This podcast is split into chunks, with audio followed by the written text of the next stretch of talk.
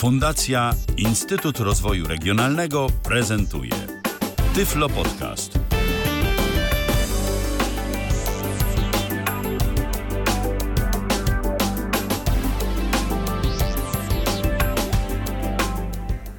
Dobry wieczór, Aleksandra Bochusz. Tym razem już we wtorek i tak będzie tradycyjnie, poza jakimiś wyjątkami urlopowymi. Y, Dzisiaj TOPON, czyli trening orientacji przestrzennej osób niewidomych, część druga, tak jak zapowiadałam. Y, Troszkę tylko mamy zmianę, jeżeli chodzi o gości. Y, Pani Iwona się rozchorowała, także pozdrawiamy serdecznie, życzymy szybkiego powrotu do zdrowia.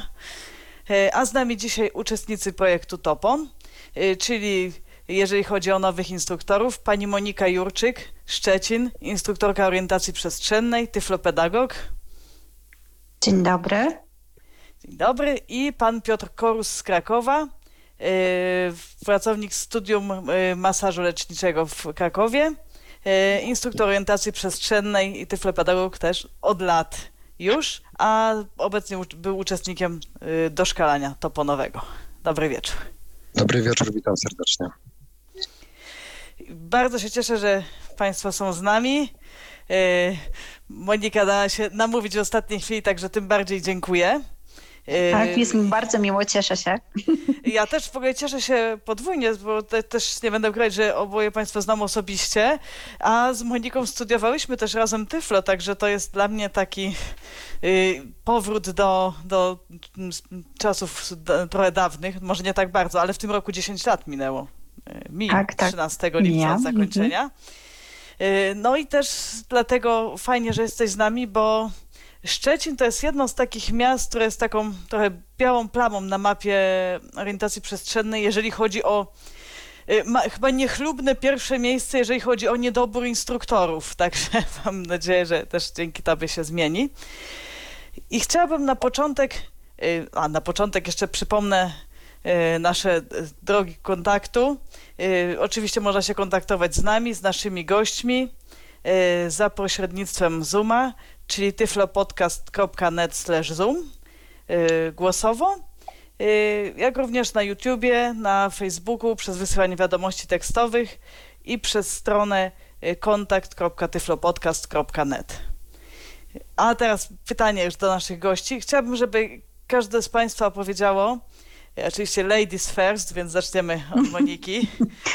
Dziękuję, o- dziękuję. o waszej drodze do mm, w ogóle do bycia instruktorem przez, orientacji przestrzennej, ale też w ogóle do zainteresowania się tematyką osób niewidomych, bo to nie jest takie oczywiste. To jest chyba taki, no jednak trochę niszowa dziedzina ciągle. Także chciałabym, Monika, żebyś najpierw ty powiedziała w ogóle skąd pomysł na Tyflo, a później skąd pomysł na zostanie instruktorką orientacji przestrzennej. Mhm. Znaczy, wiesz co, Olu, może się odwołam najpierw do tego, co powiedziałeś na temat Szczecina, że jesteśmy taką białą plamą już.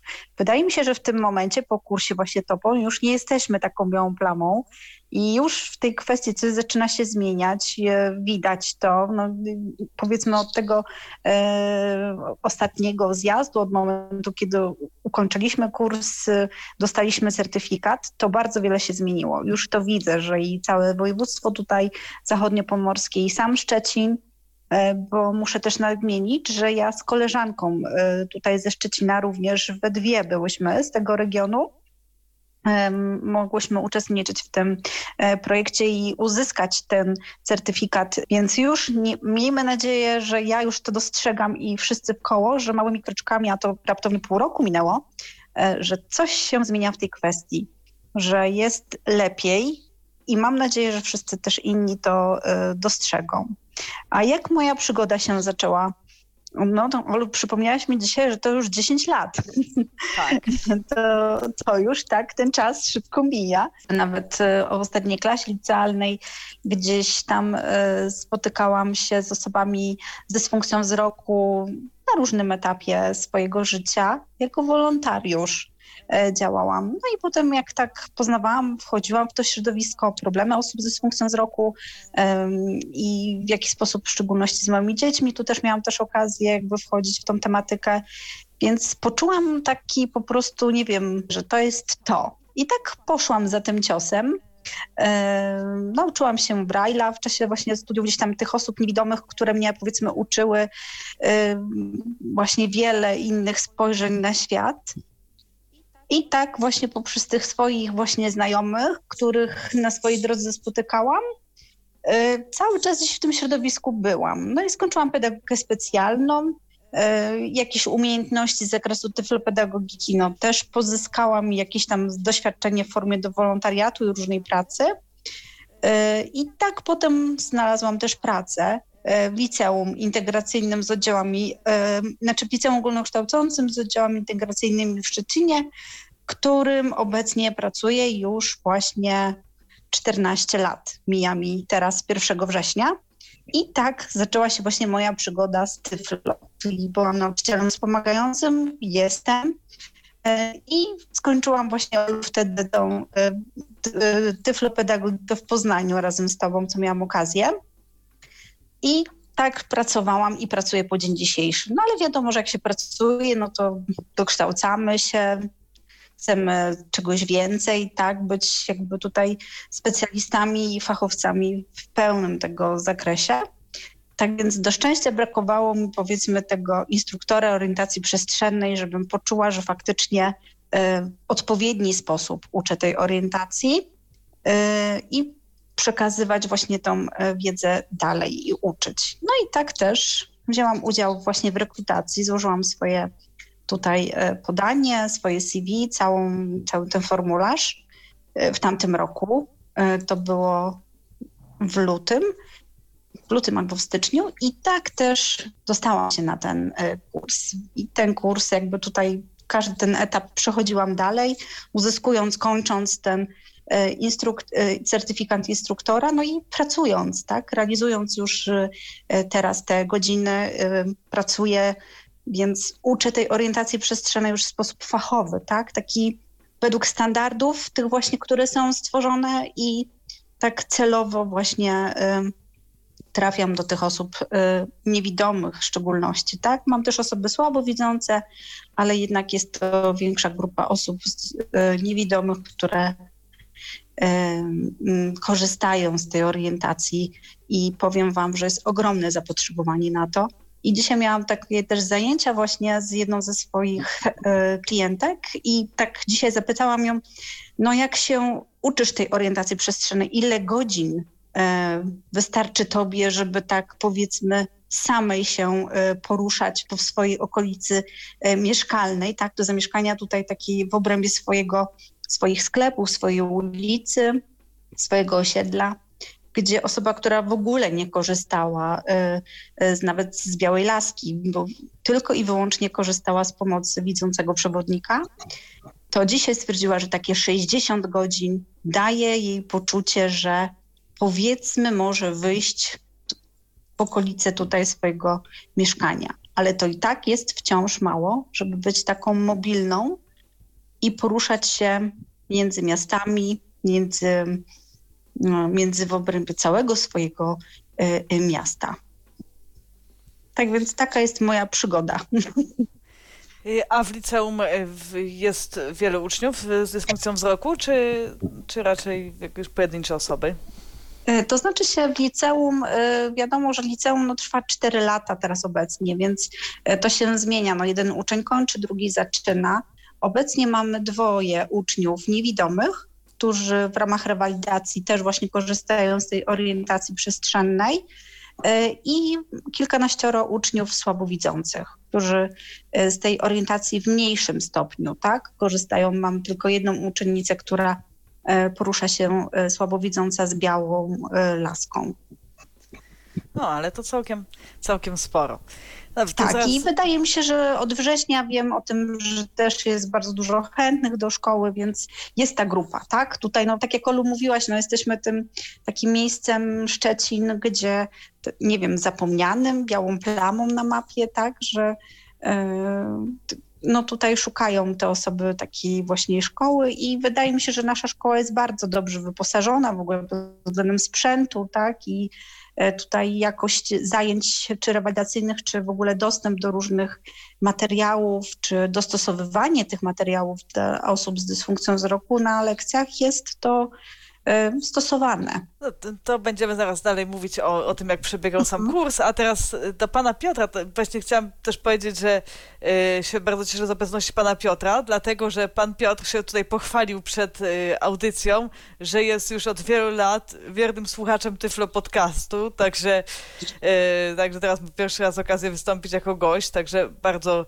jest mi miło, że pan przyjął zaproszenie. No i też dlatego, że Pan Piotr, co już mam okazję obserwować od zeszłego roku, bardzo dba też o rozwój swoich uczniów. I to taki, jeżeli chodzi o orientację przestrzenną, ale to też o takie ogólne usamodzielnianie się, także to naprawdę jest y, bardzo naprawdę godne uznania.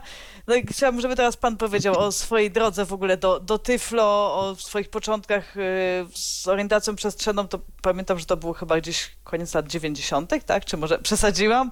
Ale y, no, że to już kilkanaście lat na pewno. No i też o, o swoich początkach pracy zawodowej w ogóle z osobami niewidomymi. Tak, jeżeli chodzi o moją przygodę, która rozpoczęła się właściwie no, około 25 lat temu, będąc w liceum byłem wolontariuszem właśnie w różnych, powiedzmy, organizacjach, wspólnotach, gdzie jeździliśmy z niepełnosprawnymi. To były osoby z różnymi niepełnosprawnościami. E, później studia pedagogiczne w Krakowie e, i pod koniec studiów skończyłem szkołę masażu na Królewskiej w Krakowie właśnie i jakby kończąc szkołę masażu dostałem propozycję pracy właśnie w tej szkole jako wychowawca internatu. Co prawda bardziej myślałem o pracy w domu dziecka, powiedzmy, czy jakaś taka, różne miałem plany, pomysły, natomiast okazało się, że, że jakby jest możliwość na miejscu, już troszkę znałem to środowisko będąc uczniem, bo miałem też kolegów, koleżanki e, z niepełnosprawnością wzroku i e, jakby w to środowisko łatwiej mi było jakby wejść po prostu znając je od środka. E, no i jak pracując już e, bodajże dwa lata po, po rozpoczęciu pracy e, pojawiła się możliwość zrealizowania kursu. Wtedy to było realizowane przez Polski Związek Niewidomych w Bydgoszczy, w, w, tak, w, tym, w Homerze. E, no, spora część nawet tych osób, które obecnie były, też tam właśnie miały okazję zrealizować ten kurs. E, no i, i tam sobie zrobiliśmy to szkolenie i e, rozpocząłem, rozpocząłem, e, myślę, jakieś e, 14 lat temu właśnie swoją przygodę z orientacją przestrzenną. E, a poza tym oczywiście, jak jest, będąc wychowawcą w internacie, e, mam cały czas możliwość e, pracy nie tylko nad orientacją, ale nad czynnościami dnia codziennego, nad wypełnianiem dokumentacji, no nad wszelką jakby pomocą taką, którą na co dzień ci moi wychowankowie e, potrzebują. E, I no i przy okazji orientacja przestrzenna, która jakby jest uzupełnieniem tej całości.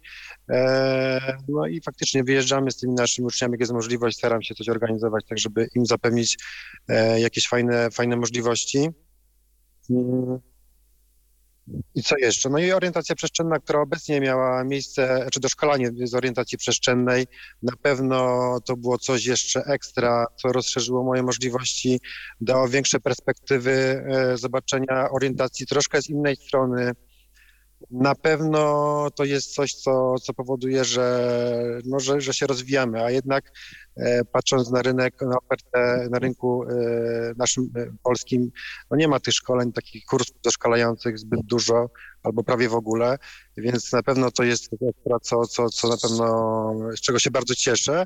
I e, no, myślę, że, że jestem wdzięczny, że mogę uczestniczyć w projekcie, no bo naprawdę po pierwsze świetna możliwość dla mnie jako e, instruktora do dalszego rozwoju, ale też e, przez to, że te godziny były przeznaczone po zakończeniu kursu, e, świetna sytuacja, bo tych godzin było naprawdę dosyć dużo do tego, żeby tym osobom pomóc. Nawet teraz właśnie jestem w warunkach polowych, siedzę w swoim samochodzie, bo jest, jestem w Nowym Sączu, koło Nowego Sącza, bo skończyliśmy zajęcia wyjazdowe z uczennicą i e, myślę, że gdyby nie projekt, na pewno te zajęcia by się nie odbyły, bo ja realizowałem zajęcia typowo dla naszych uczniów w szkole w ramach mojej pracy w internacie, a dzięki projektowi uczestniczyć e, też właśnie wyjazdowo, e, poznać inne osoby, poznać jakby inne w ogóle miejscowości.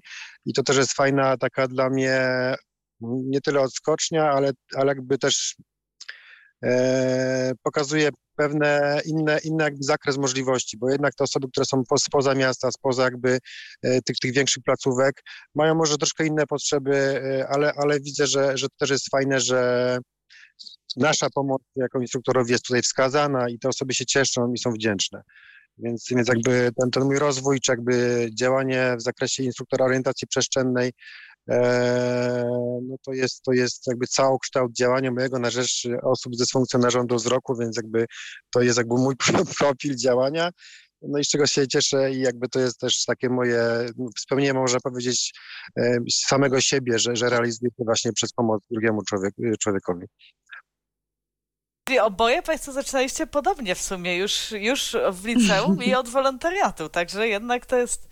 y, W ogóle sporo osób znam, które właśnie uczą y, czy orientacji przestrzennej, czy są ogólnie tyflopedagogami i właśnie ta ich, y, no powiedzmy, przygoda z, z osobami niewidomymi zaczęła się właśnie gdzieś tam jeszcze we wczesnej młodości, często też przez jakieś kontakty prywatne. A co do tego, co mówił Pan Piotr o tym, że, że osoby niewidome też mogą korzystać, to ja tak, ja, ja powtórzę, już mówiłam to w poprzedniej audycji, kiedy rozmawialiśmy tutaj z paniami Anią Rozborską i Kamilą Miller-Zdanowską, że dla mnie jako osoby niewidome, ja też miałam okazję właśnie uczestniczyć jako kursantka, także była to naprawdę duża, duża wartość, ta możliwość uczestniczenia w dodatkowych tych zajęciach z orientacji przestrzennej właśnie z tymi instruktorami, którzy byli albo szkoleni, albo doszkalani w ramach TOPON. Y, Teraz już przechodząc do samego kursu, chciałam Monika Ciebie zapytać, bo już mówiłaś troszkę o, no, o tym, że przeszłaś te egzaminy Mhm. wstępne, kwalifikacje, mm, ale chciałam, żebyś powiedziała coś więcej, to znaczy, bo ja wiem, że już w zeszłym tygodniu też Panie tutaj o tym mówiły, że była bardzo duża konkurencja. Było y, 70, 75 kandydatów na najpierw 12, potem zostało to rozszerzone do 16 miejsc. Czyli naprawdę, no to gratulacje, bo przejść przez takie sita to chyba nie jest łatwo. No i chciałabym Cię zapytać, jak mm, ta rozmowa kwalifikacyjna, może no nie jakoś super szczegółowo, ale co Cię może na niej zaskoczyło, co było mm, łatwe, co było trudne i czy bezpośrednio po miałaś takie poczucie, że, no, że dostaniesz na to szkolenie, czy jednak raczej były obawy, że nie, że to było może coś jakiegoś trudnego, czy takiego, co, co cię właśnie zdziwiło, zaskoczyło i, i jak to wyglądało i to oczekiwanie na, na wyniki, bo chyba kilka dni jednak czekaliście na, na rezultat. Tak, tak. W ogóle dla mnie było, tak jak tutaj pan Piotr mówił, no takich kursów jest mało i kilka lat szukałam już, żeby gdzieś tam e, ten kurs e, e, tutaj pozyskać, zrobić i w ogóle to zupełny był przypadek, że ja się o tym dowiedziałam, bo ja sama tego nie szukałam. Zadzwoniła do mnie moja absolwentka, e, też e, niewidoma, która mówi, wie pani co, rusza taki i taki kurs, e, może pani złożyć, pani by się nadawała idealnie, pani zawsze o tym marzyła. To fakt, marzyłam o tym i ona mi to powiedziała. E, Potem ja mówię, no zaczęłam tam szukać i tak dalej, grzebałam w tym, grzebałam, no faktycznie, no jest taki projekt, więc złożę, ale tak ojej, no trochę dużo tych faktycznie Olu wymagań tam było. Nawet zaświadczenie lekarskie o stanie zdrowia, e, CV całe, e, jakiś tam cały ten kwestionariusz i tak dalej, no wszystko no dopełniłam, oczywiście w czasie i tak dalej. Moja koleżanka oczywiście też mówi, złóż, złóż, jeszcze sprawdzałyśmy, czy to z tego samego źródła, no i tak więc złożyłyśmy we dwie. No ale też tam w regulaminie jest napisane, było przynajmniej, że jedna osoba z województwa. E, I tak jak ty, Olu, mówiłaś, no na początku było te 12 osób e, i potem gdzieś właśnie zwiększono. Więc ja jestem tą osobą właśnie, która została jakby zwiększona o tą kolejną osobę, e, czyli dodatkowo e, zostałam przyjęta. No konkurencja, tak jak mówisz, no była niebywała. No jak ludzie z całej Polski, każdy gdzieś, no nas jest naprawdę dużo osób, które e, czy są tyflopedagogami, którzy gdzieś uczą tej orientacji przestrzennej, czy chcieliby też tutaj właśnie pozyskać nowe jakieś umiejętności. No jest tego. Więc cieszę się bardzo. Było to dla mnie ogromne zaskoczenie, że dostałam się. E, No wyróżnienie, no też powiem, że no, wydaje mi się, że na pewno były też inne osoby, które gdzieś tam nawet może lepsze ode mnie, lepiej, więcej, e, częściej, więcej pracujących i tak dalej. Tylko tak jak mi się wydaje, że chodziło też o to, żeby właśnie z tego regionu, czyli ze Szczecina, było więcej tutaj osób, które e, uczą tej orientacji. E, No bo jest faktycznie ta nisza, przynajmniej do tego momentu tak było. A sama rozmowa, sama rozmowa była bardzo, znaczy dla mnie stresująca, no bo zależało mi oczywiście, była przejmująca. Miałam tam z kilkoma paniami oczywiście takie spotkanie, szereg pytań e, następujących po sobie. No, była oczywiście chwila na zamysł, znaczy na pomyślenie, na zastanowienie się, żeby odpowiedzieć na to pytanie, e, ale no miałam takie poczucie, że jednak chyba dużo rzeczy nie wiem. W szczególności jak był opis pokoju, pomieszczenia, którego dostałam gdzieś i musiałam opisać tutaj jakby osobie, e, tak jakbym ją opisywała osobie niewidomej. Więc tu naprawdę poczułam taki no, dyskomfort w tej kwestii, że no faktycznie czegoś jeszcze nie wiem, nie umiem albo takie poczucie, że no niepewności. E, I potem no, ta, to oczekiwanie, ale sama rozmowa, mówię, bardzo przyjemnie, e, zawsze w miłej atmosferze. E, za każdym razem, kiedy takie rozmowy, bo też jestem teraz po walidacji, więc te rozmowy naprawdę odbywają się w bardzo miłej atmosferze, przyjaznej, tak, i gdzieś tam w ogóle sam kurs też jestem tutaj mile zaskoczona, bo atmosfera w ogóle między nami, uczestnikami, tak, było nas 16 osób.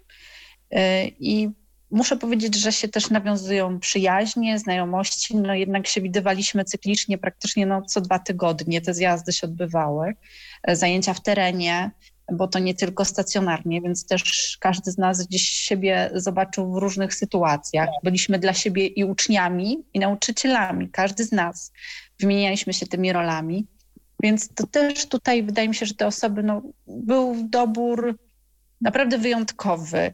I jak potem, jak na pierwszym zjeździe, takie miałam też poczucie, jak przyjechaliśmy, że każda z tych osób w tej grupie jest y, nie to tyle tylko, że wyjątkowa, ale że każda z, tej, z tych osób tworzy całość, że każda osoba daje coś do tej grupy, że bez niej ta grupa nie wyglądałaby tak, jak, jak, jak wygląda, bo też e, trzeba zaznaczyć, że nie każdy w tej, e, z tych uczestników e, jest, nie wiem, tyflopedagogiem, pedagogiem czy pracującą osobą w szkole, tak?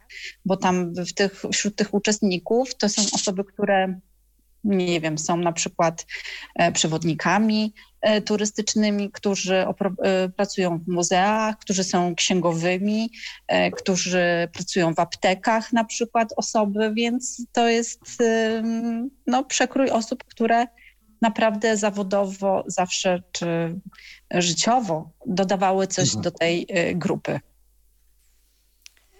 Tak, to jest właśnie to, o czym też y, w zeszłym tygodniu tutaj mówiły panie Ania i Kamila i też o tym, jak czasami rozmawiam tak prywatnie z kimś, kto był w kadrze tego kursu, to mhm. zawsze słyszę, że ta szesnastka, która została wybrana, to, to została właściwie wybrana, że to byli właśnie tak. ci ludzie i ci ludzie, którzy rzeczywiście chcą wykonywać ten zawód, że nawet są gotowi się właśnie jakoś przekwalifikować, że są gotowi się naprawdę w to zaangażować i to i to jest właśnie, właśnie super. Znaczy taka... tak, każdy tam też miałam takie poczucie, że każdy tam jest z pasją jakąś, z takim ogromnym, dużym sercem, e, z poczuciem takiej empatii dużej i ogromnej wrażliwości, e, a przy okazji też tak otwarci bardzo na nowości, e, nikt nie był jakiś urażony, czy, czy na no, taką nawet konstruktywną krytykę z takim poszanowaniem i taką godnością, że to no, wyjątkowa szesnastka, muszę powiedzieć. I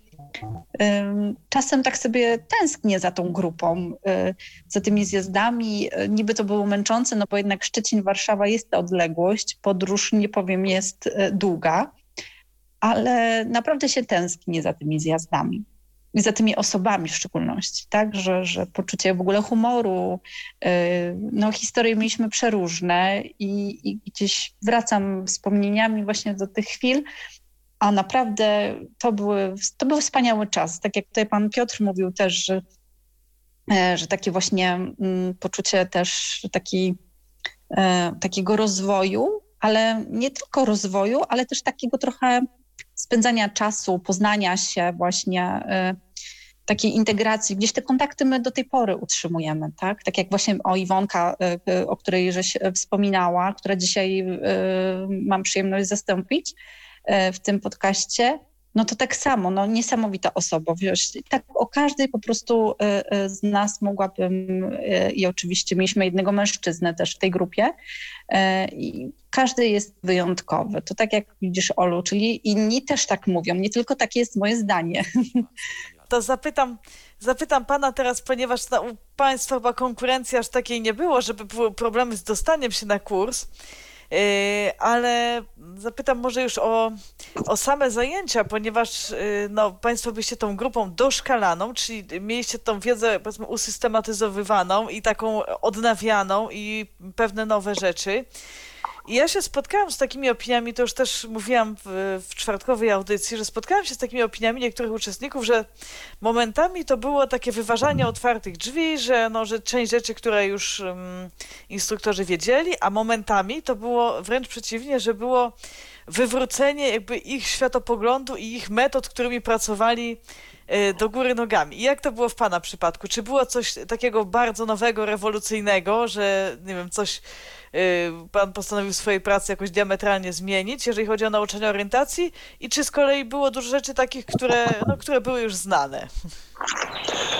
E, w moim przypadku myślę tak, że e, część rzeczy no pewnie tam gdzieś się powtarzało, no bo jednak trudno, trudno uniknąć takiej sytuacji, no ale trzeba brać pod uwagę jednak sytuację nas, który, którzy uczestniczyliśmy. E, jednak każdy, każdy, było tak dużo osób, tak specyficzne te osoby miały pracę, bo tak naprawdę tak mówiła właśnie przedmówczyni, że, że właśnie i ludzie, którzy pracują w placówkach szkolno-oświatowych, ale właśnie też zupełnie takie, takie zawody E, nieoczywiste tak naprawdę wydawałoby się. Dlatego myślę, że część materiału e, gdzieś tam usystematyzowały z jednej strony. E, z drugiej strony dla mnie osobiście pracując, jak pracuję w brzuchu, to ja powiedzmy pracuję tylko z, z osobami dorosłymi, tak? I ja mam jednak specyficzną grupę, z którymi na co dzień sobie działamy.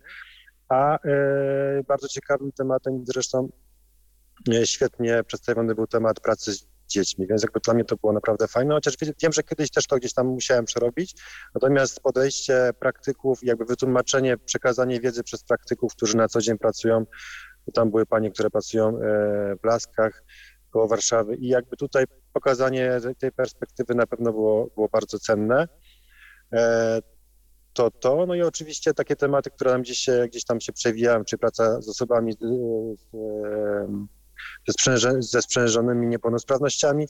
A e, co, było, co było takie dla mnie e, może no nie odkrywcze, ale pewnie jakoś takie e, rozwijające, to echolokacja, aczkolwiek uczestniczyłem też już parę lat temu w Krakowie było właśnie też, też spotkanie, które organizował FIR i to było w bodajże szpitalu Jana Pawła II i tam uczestniczyliśmy już w takim spotkaniu i mieliśmy możliwość zobaczenia o co chodzi. Teraz myślę, że to rozwinęliśmy I było to ciekawe, natomiast największym zaskoczeniem jednak okazało się e, doszkalanie na samym końcu, gdzie no, troszkę wprowadzono nam taką rewolucję w myśleniu, e, a mianowicie no właśnie wywrócono, można powiedzieć, nasz, nasz cały świat orientacji przestrzennej. Może tak nie, nie do końca, może nie, nie w 100%, ale w znacznym stopniu pokazało nowe możliwości. A chodzi o to, że jakby powiedziano, żeby skoncentrować się nie na uczeniu typowo trasy od punktu A do punktu B, tylko uczymy orientacji przestrzennej, taki cały, całokształt orientacji przestrzennej, czyli uczymy w każdym miejscu, gdzie ta osoba się znajdzie. Czyli pierwsze staramy się tę osobę e, nauczyć e, orientacji na przykład w Krakowie, ale ona ma znać orientację w Warszawie, w Szczecinie, w Gdańsku, ma się umieć odnaleźć w każdej miejscowości. Jakby to y, pokazanie zupełnie myślenia w innych, wiadomo, że pewne rzeczy się tak jakby staraliśmy wcześniej robić, natomiast tutaj to, co my tam się powiedzmy trzymaliśmy, takich naszych procedur, które wcześniej gdzieś tam byliśmy wyuczeni, nagle mówią tak, że po prostu nie, nie, nie, to nie w ten sposób, bo, bo na przykład y, my się baliśmy pochodzić, powiedzmy, o bezpieczeństwo, a ci mówią tak, no spokojnie, widzicie, że jest wszystko ok, to idziemy do przodu, robimy troszkę inaczej. No i to myślenie o, o takim, takim całym podejściu właśnie uczenia świata poprzez zmysły, e, żeby ta osoba sobie poradziła w każdym miejscu. Nie, nie, nie powiem, bo jak powiedzmy pracuję na co dzień z moimi tutaj ludźmi, którzy, którzy są już po różnych szkołach, no nie jest to aż takie proste nieraz do wprowadzenia, bo wiadomo, że niektórzy mają przyzwyczajenia, że oni chcą mieć krawężnik, oni chcą mieć konkretny punkt orientacyjny, natomiast, e, natomiast e, są, tacy, są ludzie, którzy bardziej są powiedzmy szybko łapią wiedzę, to myślę, że widzę na, na zajęciach moich, że są w stanie przeskoczyć jakby w tym myśleniu i są w stanie e, w ten sposób, który nam został pokazany na końcu e, naszych zajęć e, funkcjonować i jakby pracować w terenie. Więc, więc myślę, że, że to właśnie ta rewolucja w myśleniu o przestrzeni. Tutaj też z panią ostatnio na, na walidacji rozmawialiśmy. Panie z Lasek jakby właśnie pytały o to i jakby no też ja mówię, że no staram się właściwie zaraz po powrocie z tego szkolenia, to było bodajże, nie wiem, w marcu, w kwietniu, jak wróciłem z Warszawy, to zaraz chciałem prowadzić, jakby wprowadzałem jakby tę tą metodologię i sposób e, nauczania e, właśnie w taki sposób całościowy. I, i, i daje mi to jednak dużo do myślenia. Muszę na nowo się nauczyć pewnych rzeczy, muszę na nowo się uczyć Krakowa, no, na razie jeszcze temat na przykład użycia y, y, stron świata. Powiedzmy, że gdzieś tam może używaliśmy tego, natomiast teraz widzę, że ja staram się pojmować Kraków przez właśnie kierunki świata, gdzie jest północ, gdzie jest południe. I jakby tu są takie, takie niuanse. Jak ktoś może siedzi, jak pracuje w temacie, to wie, wie o czym mówię, no bo to są takie rzeczy, które gdzieś tam e, myślę, że one się pozmieni, znaczy pozmieniały. No, ja, ja chcę zmieniać e, swoje pracy, dlatego że, że myślę, że jest to przyszłość. E, może tam buntowaliśmy się, powiem, że ja sam byłem zdziwiony, mm, jakby, bo nagle przyjeżdżamy do Warszawy i tak nawet na ostatnim Tyflo podcaście tam nawet taki temat był, że, że my jesteśmy jakby uprzedzeni do, do Warszawy. No bo przyjeżdżamy do Warszawy i nagle okazuje się, że musimy pewne rzeczy, o co w ogóle chodzi, dlaczego mamy teraz pracować inaczej, skoro my mamy taką wiedzę i to się sprawdza. No ale tak po przemyśleniu tematu, no jednak faktycznie czasami trzeba usiąść i pomyśleć, no i to faktycznie nie, nie, nie do końca, czy nie do końca, to nie jest złe, to jest dobre i to, to myślę, że ma przyszłość, tylko my potrzebujemy czasu, myślę, że nasi uczniowie potrzebują czasu, a jeżeli to będzie działanie na takiej płaszczyźnie u podstaw, czyli u dzieci w, na, na poziomie przedszkola czy szkoły podstawowej, i te dzieci będą nauczone i oczywiście intelektualnie będą w stanie podołać, no to e, jak najbardziej e, to jest fajny sposób. Myślę, że musimy e, w orientacji też iść do przodu, bo, bo wiadomo, nie możemy bazować tylko na tej wiedzy, która była kilkanaście czy kilkadziesiąt lat temu. Na, na to myślę, że, że świat się zmienia i musimy jednak swoją pracę ciągle tutaj weryfikować i, i jakby udoskonalać.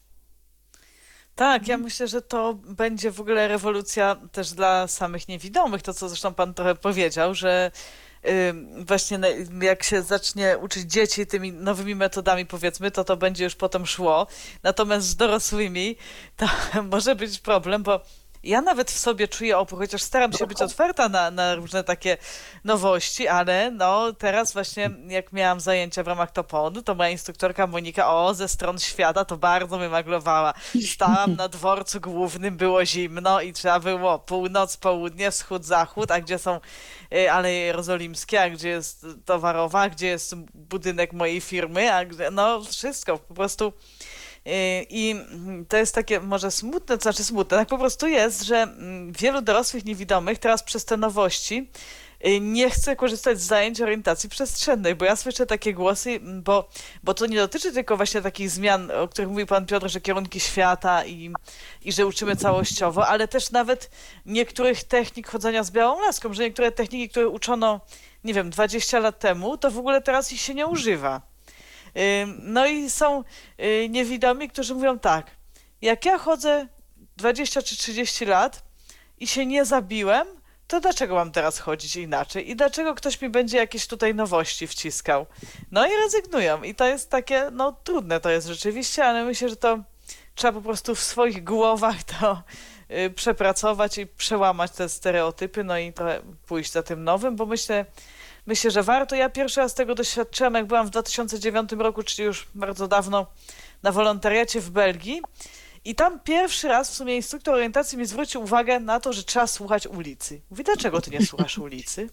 Ja mówię, a to tak trzeba? Mówi, no ja chodzę sobie jakimiś tam utartymi trasami, ale mówi, ale to jest ważne, żeby słyszeć, po której stronie. Mówi, zobacz, jak to pomaga, jak się zgubisz, to wiesz, czy ulica ma być przed tobą, po lewej, po prawej. Mówię, no faktycznie. Także warto jednak, jednak przełamywać to, to nasze, nasze myślenie, jakoś to zmieniać na nowe, chociaż wiadomo, że nie zawsze się da.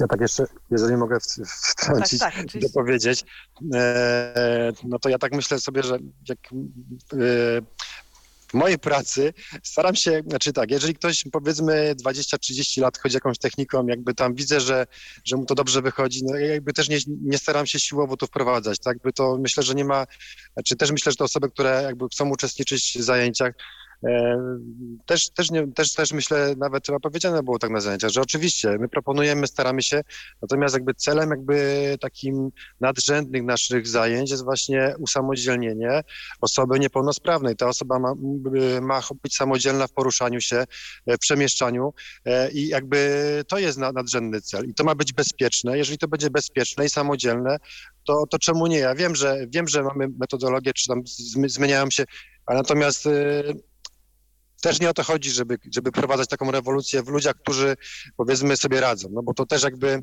byłoby to chyba zbyt, zbyt siłowe. No nie wiem, co na to powiedziała pani może Kamila, pani doktor Kamila, która ostatnio, e, czy tam organizatorzy, ale myślę, że częściowo pewnie się zgodzą ze mną, że, że, że musimy wprowadzać, natomiast e, trzeba myśleć o tym takim celu nadrzędnym, który nas tutaj jakby bo jakby to, to nie jest sztuka dla sztuki, to mamy, mamy coś wykonać po to, żeby te osoby były samodzielne, więc jakby nie ma też strachu, no myślę, że też nie ma co się bać.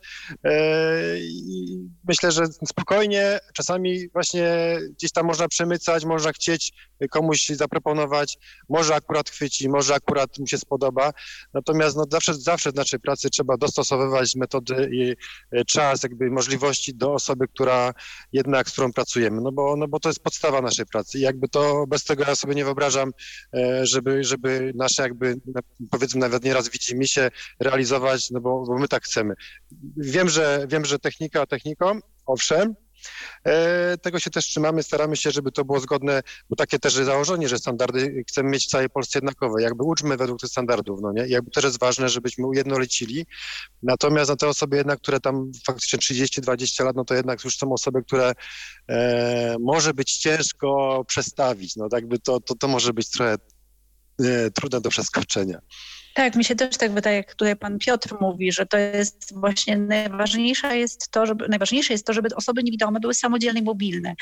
Ale też e, to, co pan Piotr mówi, absolutnie się ze wszystkim zgadzam, bo, bo tak jest. Też tak e, widzę i to obserwuję u swoich klientów, Aczkolwiek no, wydaje mi się, że należy im pokazywać, bo tak jak mówił Pan nawet o tym y, korzystaniu, właśnie jak Ola też mówiła, słucha, czy Pani słucha skrzyżowania. I to jest taka nowość, że nie uczymy na pamięć, tylko postój, posłuchaj, zastanów się, pomyśl. I, i też te, te chodzenie, czy po kwadracie, czy poznawanie tych swoich ulic, skrzyżowań, to jest taka nowość, że y, osoby właśnie, które nawet dłuższy czas chodzą, ojejku, no ale to przecież to takie logiczne. Dlaczego ja wcześniej tego nie wiedziałem, nie wiedziałam, tak? No bo dla nich tam nie wiem, że jak kosz będzie czy coś tam, to mają skręcić w prawo, w lewo i e, zero odniesienia, tak? A ta ulica jest tak blisko tej, to dlaczego też tego nie wiedziałem? Ale to jest takie nowe spojrzenie właśnie, więc e, no najważniejsze jest właśnie to, żeby oni sami, te osoby poruszały się, same korzystały z tych e, z dobrodziejstw całego świata i w poruszaniu się, i te techniki i tak dalej, jasne, my też wprowadzamy i niektórzy mają swoje nawyki, ale też musimy pamiętać, że niektórzy, nie wiem, mają jakieś inne też schorzenia, tak? Czy to są osoby, e, które mają przechoroby przewlekłe, na przykład cukrzycę, którzy, które mają też jakieś niedowłady, więc to też tutaj im jest e, ta trudność e, jakby w pokonywaniu tych właśnie takich, nie wiem, idealnej techniki, tak, że muszę opanować tą idealną technikę, więc też tutaj nie skupiamy na tym, tylko właśnie na tym samodzielnym. To mam też takie właśnie, że to pan pięknie to e, powiedział, rewolucja w myśleniu o przestrzeni, ale też to obserwuję, że też tak jest. To jest nawet tak jak my przyjechaliśmy na ten kurs i wszyscy jej kierunki świata, ale nawet ta Warszawa, ta zachodnia, centralna i wschodnia już teraz jest taka logiczna, po co tak jest, prawda? Tak, no to tak, i właśnie to trzeba wprowadzać na tyle, na tyle, na ile się da, bo to nie jest też tak, że mnie Monika do czegoś zmusiła do tych kierunków świata, tylko ja rzeczywiście to zaakceptowałam, tak? No a niektóre jakieś takie rzeczy, co już widziała, że jestem niereformowalna o tym, ale widziała, że to robię bezpiecznie, no to już zostawiała, ale, ale starałam się rzeczywiście iść trochę za tym nowym, bo po prostu widzę, że to daje efekt. Na przykład chociażby to, że właśnie to już ja mówiłam w poprzedniej audycji, że nauczyłem się odczytać te mapy i plany, no jeszcze nie jestem w tym perfekcyjna, ale jak ja w ogóle takie pewne rzeczy sobie uświadomiłam. Właśnie y, Warszawa. Ja w ogóle nie, nie ogarniałam kierunku w Warszawie, gdzie jest północ, gdzie jest południa. Mieszkam tu 10 lat, jakby nie było. Raz na metrze pan, spotkałam pana, który mnie zapytał, czy pani jedzie na północ, czy na południe. Ja stanęłam, zrobiłam głupią minę i powiedziałam na Młociny. Bo oczywiście nie miałam pojęcia, teraz to już wiem. Kierunek świata, tak na północ.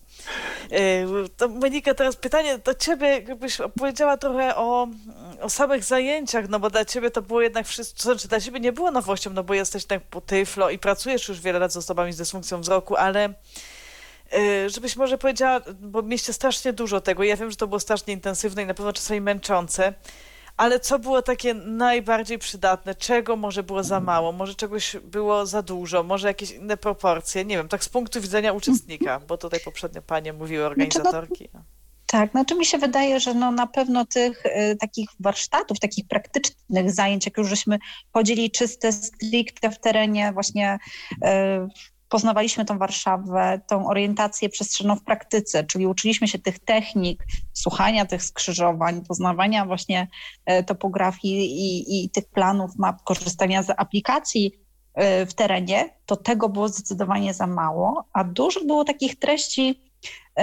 zupełnie, które mogliśmy, no każdy z nas mógł i w każdym momencie można po niej sięgnąć, czyli jakieś tam te moduły medyczne.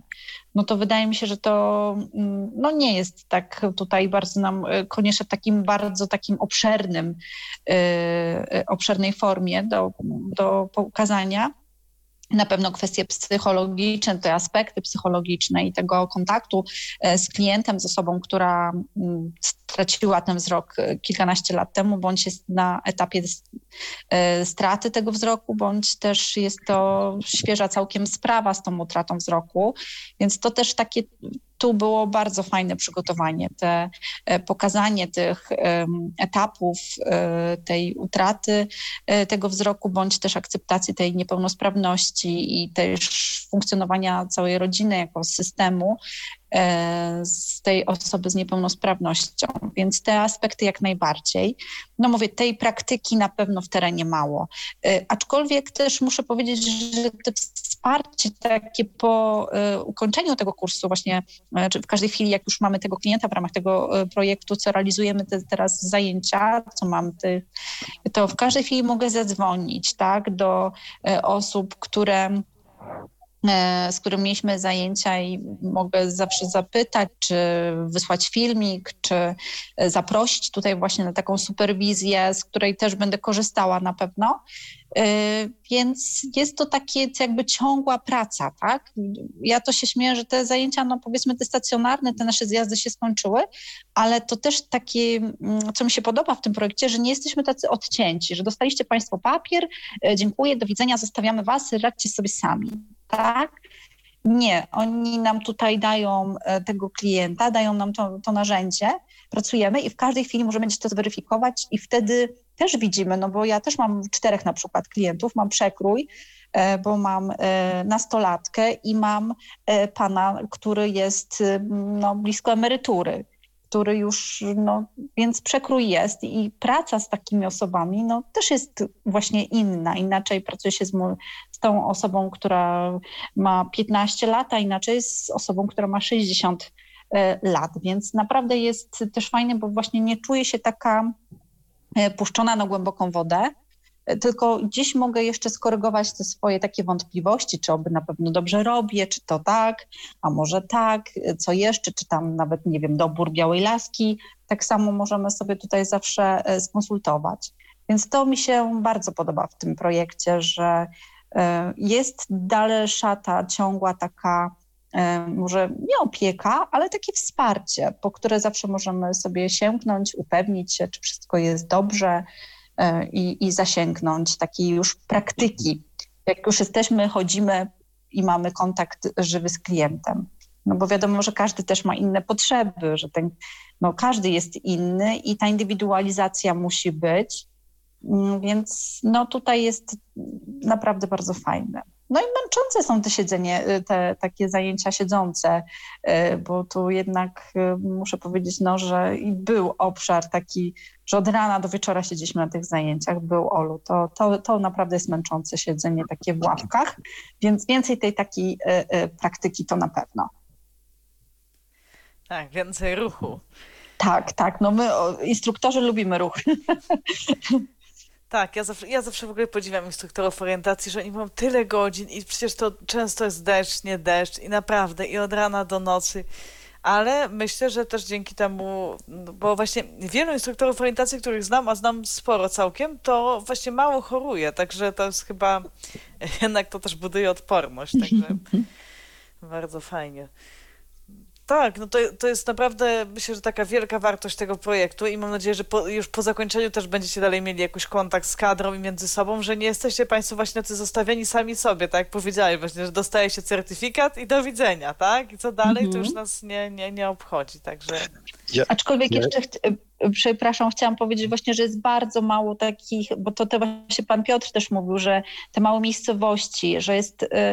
Y mało takich kursów, znaczy, które osoby niewidome tak, mogłyby skorzystać z orientacji przestrzennej, że tutaj w ramach tego toponu wiele osób z dysfunkcją wzroku mogą skorzystać z takiego bezpłatnego e, kursu, e, korzystając z orientacji przestrzennej, ucząc się jej e, w swojej miejscowości. To, to też jest bardzo istotne, więc to jest takie mm, no, bardzo niszowe, że jest mało tego E, I wydaje mi się, że tutaj powinny jakby tutaj władze czy e, jakieś inne organizacje wykorzystać to, żeby e, no jednak bezpłatne, żeby to były zajęcia, bezpłatny dostęp do takich zajęć z orientacji przestrzennej i w szczególności te małe miejscowości. To też jest taki walor tego kursu, że właśnie nie tylko my instruktorzy czy osoby doszkalające się skorzystały z tego kursu, z tego projektu, ale też osoby, które no, dla których jesteśmy no, dedykowani, tak? Nasza praca jest dedykowana.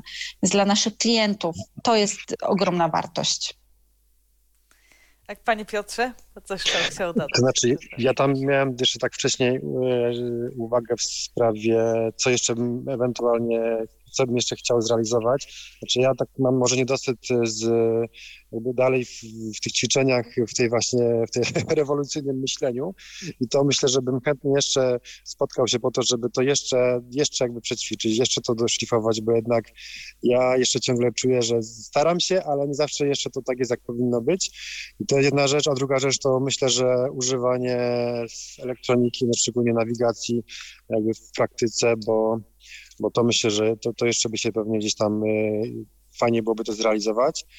I e, jeszcze teraz tak, e, wracając do, do wcześniejszego tematu spotkań, e, które się odbywały w Warszawie, e, które mają też właśnie charakter e, nie tylko taki typowo, że spotkań, gdzie się uczymy, gdzie zdobywamy wiedzę, ale również właśnie bardzo cenne jest spotkanie, konfrontacja z e, pracownikami innych, innych placówek, tak?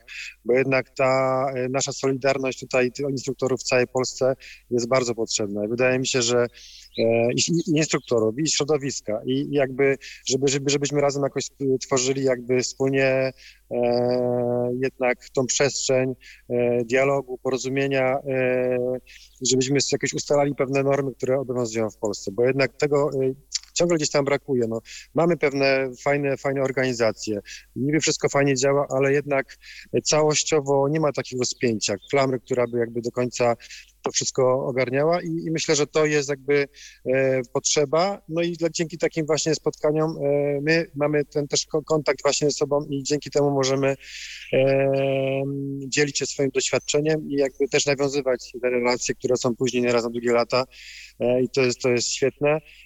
Trzecia rzecz to kursy w małych miejscowościach, tak, teraz właśnie jestem właśnie w Nawojowej koło, koło Nowego Sącza, gdzie gdzie faktycznie no, nie ma takiej możliwości, nie ma tych szkół, powiedzmy. Są fajne zajęcia, są fajne, powiedzmy, szkoły, ale bardziej nakierowane dla osób widzących.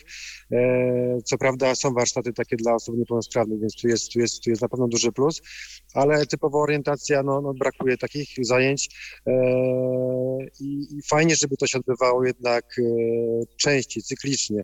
Nie tak jak powiedzmy, wyobraźmy sobie, że przychodzimy do lekarza, i e, leczymy się tylko wtedy, kiedy jest jakiś kurs, kiedy jest możliwość, a poza tym chorujemy, no bo nie ma na to funduszy. Więc jakby tak to traktujmy, że to jest coś oczywistego, że instruktor orientacji przestrzennej to jest osoba, która powinna działać wtedy, kiedy jest e, taka potrzeba, a nie tylko wtedy, kiedy są fundusze, kiedy jest projekt, bo oczywiście to jest świetne, że jest projekt i że realizujemy takie zajęcia, ale no żeby to jednak e, było bardziej normalne, oczywiste. No jednak to jest rzecz, jakby nie patrzeć, taka podstawa dla osoby z niepełnosprawnością sprawnością wzroku. I myślę, że, że musimy dążyć do tego, żeby jednak e, to było na porządku dziennym, że osoba, która potrzebuje, która faktycznie wymaga takiej pomocy, żeby taką pomoc otrzymała. A ja na moment e, się wetnę i e, powiem o tym, co u nas się na Facebooku dzieje, bo oczywiście, tak jak Ola wspomniała, można do nas pisać na Facebooku, można na YouTubie, można też dzwonić, może ktoś do nas zadzwoni. Między innymi właśnie Kamila Miller-Zdanowska, która w poprzedniej audycji na temat projektu Topon e, się wypowiedziała, pozdrowiła zarówno pana Piotra, jak i panią Monikę i jeszcze napisała tak, dokładnie tak, panie Piotrze, we wszystkim zdrowy rozsądek. I tyle tyle na razie komentarzy. A, jeszcze słuchacz Robert pozdrawia panią Monikę. Pani Monika ma fan klub. O, tak, widzę, widzę, że mam fan klub. Jest mi bardzo miło, dziękuję. Tak, no, no właśnie to jest to co, to, co powiedzieliście Państwo przed chwilą, że to jest właśnie się wszystko rozbija o to, że nie ma, mm, nie ma rozwiązań, to co, no to, co kiedyś było, prawda, powiedzmy za PRL-u. Y, nie mówię, że oczywiście wszystko, co było wtedy było dobre, ale rzeczywiście ta orientacja przestrzenna jakoś tak, to było wtedy jakoś bardziej rozwiązane systemowo, że te zajęcia były powiedzmy stale. Nie wiem, jak było w małych miejscowościach, to fakt, ale w dużych, tam gdzie okręgi Związku Niewidomych działały prężnie, to to jakoś funkcjonowało. A teraz to jest rzeczywiście od projektu do projektu. No, ja no, oczywiście nie mam pomysłu żadnego na to, ale moim zdaniem powinno być jakieś rozwiązanie systemowe, żeby to nie było tylko właśnie to, co pan Piotr powiedział, że jak jest, no, no tak jakby tak było z leczeniem, że jest jak jest projekt, to jest orientacja, a jak nie ma, to nie ma. A jeszcze do małych miejscowości, zanim się dotrze. No inną jeszcze jest kwestią, mm, że czasami rzeczywiście jest, ja przez półtora roku pracowałam w organizacji pozarządowej, organizując, współorganizując właśnie różne kursy też dla osób niewidomych i rzeczywiście czasami jest problem z dotarciem też do tych osób, że owszem, internet jest najbardziej popularnym w tej chwili takim kanałem informacyjnym, ale zwłaszcza do osób nowo ociemniałych, czyli do tych, które straciły wzrok niedawno, jest naprawdę y, duży problem z dotarciem. Y, myślę, że to jest w ogóle temat na jakiś może osobną, osobny podcast w ogóle, ale jest na przykład też duży opór środowisk mm, okulistycznych, optycznych. Wielokrotnie już były próby i to ze strony różnych organizacji, nie tylko tej, w której, w której ja pracowałam, żeby dotrzeć właśnie do tych środowisk, no bo gdzie taka osoba tracąca wzrok najpierw trafia? Do okulisty albo do szpitala, wręcz na oddział okulistyczny. I gdyby tam otrzymywała taką informację, gdzie się może e, potencjalnie zwrócić w swojej sytuacji, i w swojej okolicy, to może by to troszkę ułatwiło. A tak to jest naprawdę. W zeszłym roku trafił do nas na kurs człowiek, y, który dowiedział się o kursie tylko dlatego, y, że jego przyjaciółka mm, chodziła na masaże do osoby niewidomej i ta osoba przy okazji, ona chyba powiedziała, że właśnie ma taką sytuację, że jej przyjaciel stracił wzrok, no i wtedy się właśnie dowiedziała od tej osoby, że jest taki taki kurs. A gdyby nie to, no to, no nie wiem, pan by dalej pewnie siedział w domu i nic by się nie zadziało to myślę, że już y, teraz tytułem y, podsumowania y, powiedzcie proszę, może, może od Moniki zaczniemy tradycyjnie, bo jest nadzieja, że te kursy toponowe będą kontynuowane. Nie wiadomo, czy jako topon, czy jako zupełnie inny projekt i kto dokładnie będzie tą kontynuację realizował, ale co byście powiedzieli na, na zachętę tym, którzy, którzy chcą uczestniczyć, którzy może się wahają jeszcze? Wydaje mi się, że osoby, które się nie dostały, czyli te 70 czy tam 60 parę osób, to na pewno, jak usłyszą ten post, podcast wasz, ten i każdy poprzedni na ten temat, i jak zaczną zgłębiać w ogóle, to się już odbyło i się dzieje, e, cały czas trwa, to na pewno ponowią swoje zgłoszenia. To nie wątpię w to. A te osoby, które oczywiście jeszcze nie wzięły udziału, które nawet o tym nie myślały, to no na pewno też tutaj wychodzi takie od woli ich samej, tak? Czyli muszą mieć też taką wolę, chęć właśnie bycia takim otwartym, bycia otwartym na zmiany, e, no i pozyskiwanie nowych e, też umiejętności, no ale samorealizacja, doskonalenie siebie, tak? Ale miałam się wydaje, że tutaj nie będzie problemów, e, że tutaj należy ogłaszać, nie wiem, zwiększać tutaj, żeby popularność tego projektu to już widzisz, Olu, wszyscy mi się wydaje, że tak się to gdzieś tam rozgłasza między w naszym środowisku tutaj, że każdy już gdzieś tam wie, że to jest naprawdę fajna rzecz. Fajny kurs, y, że to są y, osoby, które właśnie chcą przede wszystkim y, właśnie dokształcać się, zmieniać siebie, swoje myślenie, które są otwarte ale też widzą po realizacji teraz tego projektu, no, ta szesnastka i te osoby, które się dokształcały, e, są tego dowodem, że mm, zmienia się. Zmienia się myślenie na właśnie o tej przestrzeni, zmienia się e, myślenie na temat właśnie funkcjonowania osób e, z dysfunkcją wzroku w ciągu takiego życia codziennego i, i, i mobilności ich. Panie Piotrze, to może do doszkalania trzeba bardziej zachęcić, bo tam wiem, że były, no może nie niedobory, ale tak jakoś opornie, opornie to szło. Także dla tych instruktorów, którzy jeszcze nie skorzystali z doszkalania, co by pan powiedział? E, coś, że tak powiem, przerwało, ale, ale, ale mogę kontynuować, rozumiem, tak? Tak, tak. E, ja myślę tak, że e, jeżeli miałem polecić, to, to jest to kurs dla ludzi szukających, myślę, że takich, takiego wyzwania życiowego, bo to jest pewnym wyzwaniem, jest to pewna taka ciekawa dziedzina, e, szczególnie, że tą, tą pracę tak naprawdę wykonuje garstka ludzi w Polsce i, i myślę, że jeżeli ktoś lubi e, pracę z drugim człowiekiem, jeżeli chce się rozwijać i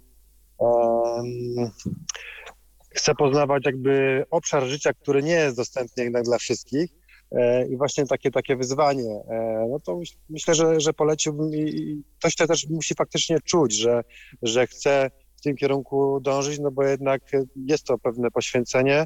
E, trzeba mieć do tego pewnie jakąś pasję, nawet jakąś miłość do, do, do, do pracy, do zawodu z osobą niepełnosprawną, no bo jakby bez tego jest ciężko. Natomiast osoby, które faktycznie E, gdzieś tam są w Polsce jeszcze, to myślę, że one wiedzą, że, że to jest droga, tylko kwestia dostać się, no bo te kursy faktycznie są rzadko, jak się uda dostać i zrealizują, na pewno będą zadowolone.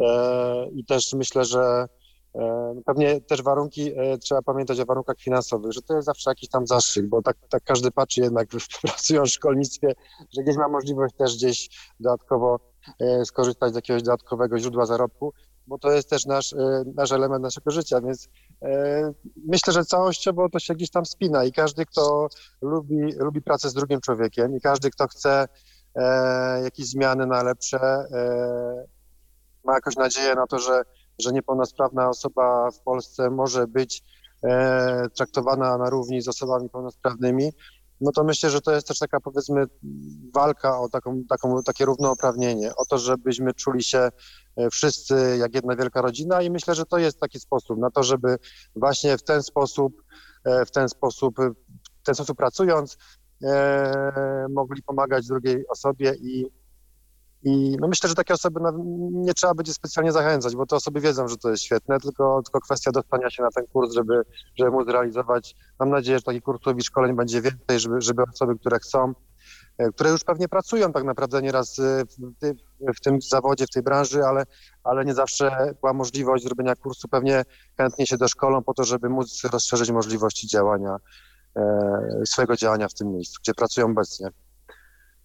Także tak, tak, tak, tak z mojej strony to wygląda.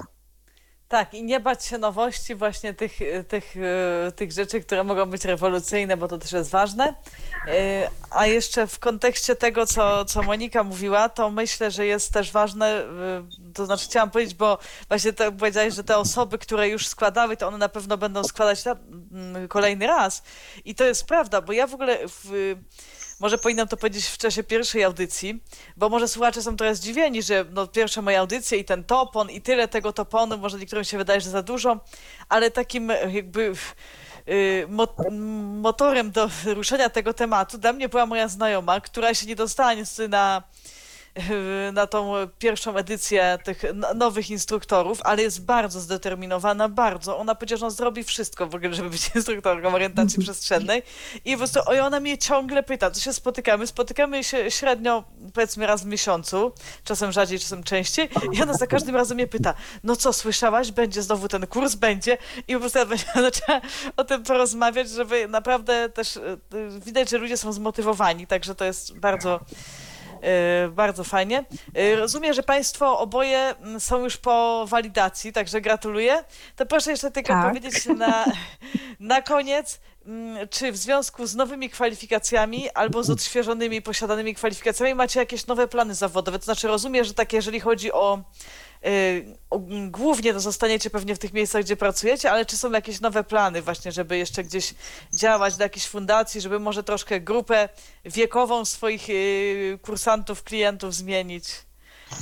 To znaczy się, no ja tak jak mówiłam, na co dzień pracuję w liceum e, ogólnokształcącym z oddziałem integracyjnym w Szczecinie i tam też zamierzam e, dalej pracować i poszerzać e, swoją pracę od zajęcia z orientacji przestrzennej, ale nie powiem, bo na dzień dzisiejszy już współpracuję z fundacjami, wysyłam też do nowych fundacji swoje CV, więc jestem otwarta, ale też już prywatnie e, osoby e, do mnie dzwonią taką właśnie drogą jakby pocztą pantoflową, że mam ten kurs, że prowadzę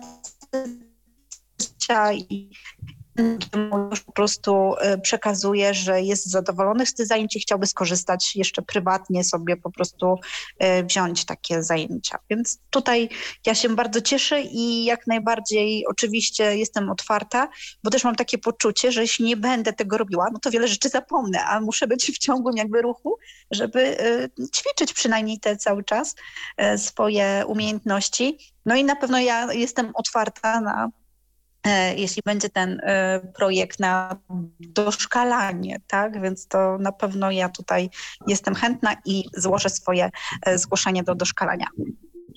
Wspaniale. Panie Piotrze, jakieś nowe perspektywy po doszkalaniu? No, myślę tak, że planuję przynajmniej tak ciągle pozostać w szkole masażu i, i jak pracować jako wychowawca w internacie i tutaj sobie z moimi uczniami działać w orientacji przestrzennej kontynuować e, doświadczenia poznane teraz w Warszawie na szkoleniu. Natomiast ja ciągle po cichu liczę na dalszy rozwój e, projektu e, właśnie w ramach Toponu i że to będzie kontynuowane, że, że jednak będziemy mieli możliwość realizowania zajęć też poza tymi większymi miejscowościami. To jest to. Poza tym, no też, też nie ukrywam, że troszkę tutaj też chcę realizować e, się w zakresie orientacji przestrzennej w kontekście, nie w kontekście, ale w połączeniu e, z czynnościami życia codziennego, bo jednak myślę, że czasami to jest też istotne, bo widzę, że dużo osób też, który, do których jeździmy, czy spotykamy się, to one jednak chcą, żeby w tym, w tym, w tym, w tym im pomóc, ale tak, tutaj już dowiedziałem się, e, odbędzie się teraz szkolenie, więc będzie można skorzystać, doszkolić się w tym zakresie. I co jeszcze? No i myślę, że, że, że tyle. No tutaj jeszcze powiedzmy też współpracowałem z AWF-em Krakowie i tam jakieś te rzeczy robiliśmy, więc mam nadzieję, że tam też będzie możliwość może, może tej, tą wiedzę czy jakby tam gdzieś e, przekazać, ale przede wszystkim e, coś fajnego zrealizować. No i dalej myślę, że, że, że sukcesywnie do celu. Ta praca to jest tak naprawdę praca u podstaw. To, to, to, nie jest, to nie jest coś takiego, co będzie nagle przy, przynosić jakieś spektakularne może efekty, natomiast ta praca e, z dnia na dzień, z dnia na dzień, e, powoli nieraz, ale do celu e, chcemy realizować. Mam nadzieję, że tak będzie, będziemy sobie robić i będziemy działać w tym kierunku. Wspaniale. To ja jeszcze uzupełnię to, co powiedział pan Piotr już, że właśnie na stronie Polskiego Związku Niewidomych i w biuletynie pochodni pojawiła się informacja, że jest nabór na drugą edycję kursu dla instruktorów e, czynności dnia. E, Także gdyby ktoś ze słuchaczy był zainteresowany, można się zgłaszać. Jest tam co prawda zaznaczone, że priorytetowo będą traktowane osoby, które pracują w Polskim Związku Niewidomym lub współpracują z nim. E, Natomiast no, sporo tych osób już skończyło tą pierwszą edycję, także mam nadzieję, że będzie też przestrzeń dla, dla osób jakoś mniej związanych zawodowo z, z Polskim Związkiem Niewidomych. Bardzo dziękuję Państwu jeszcze raz za, za przyjęcie zaproszenia, za rozmowę. E, Pani Monika Jurczyk, tyflopedagog, instruktorka orientacji przestrzennej, Szczecin. Dziękuję bardzo. Dziękuję bardzo. Pozdrawiam jeszcze raz bardzo serdecznie ze Szczecina. Dziękujemy i cieszymy się, że niewidomi w Szczecinie i w Zachodniopomorskim już mają więcej instruktorów teraz. E, Też się pan cieszę. Piotr Korus, e, pan Piotr Korus, instruktor orientacji przestrzennej, wychowawca w studium masażu e, w Krakowie, fan Tyflo Podcastów. Dziękuję bardzo. Dziękuję bardzo, pozdrawiam również, dziękuję. Dziękujemy, a już za tydzień. Y, A i oczywiście Michał Dziwisz, który tutaj nam prezentował to, co się dzieje na naszych, powiedzmy, forum dyskusyjnym jako realizator. Y, A już za tydzień y, zupełnie inna dziedzina. Piotr Malicki i blog o dostępności. Zapraszam serdecznie w imieniu Piotra i własnym. Aleksandra Bochusz. Dziękuję bardzo. Życzę spokojnej nocy. Był to Tyflo Podcast. Pierwszy polski podcast dla niewidomych i słabowidzących. Program współfinansowany ze środków Państwowego Funduszu Rehabilitacji Osób Niepełnosprawnych.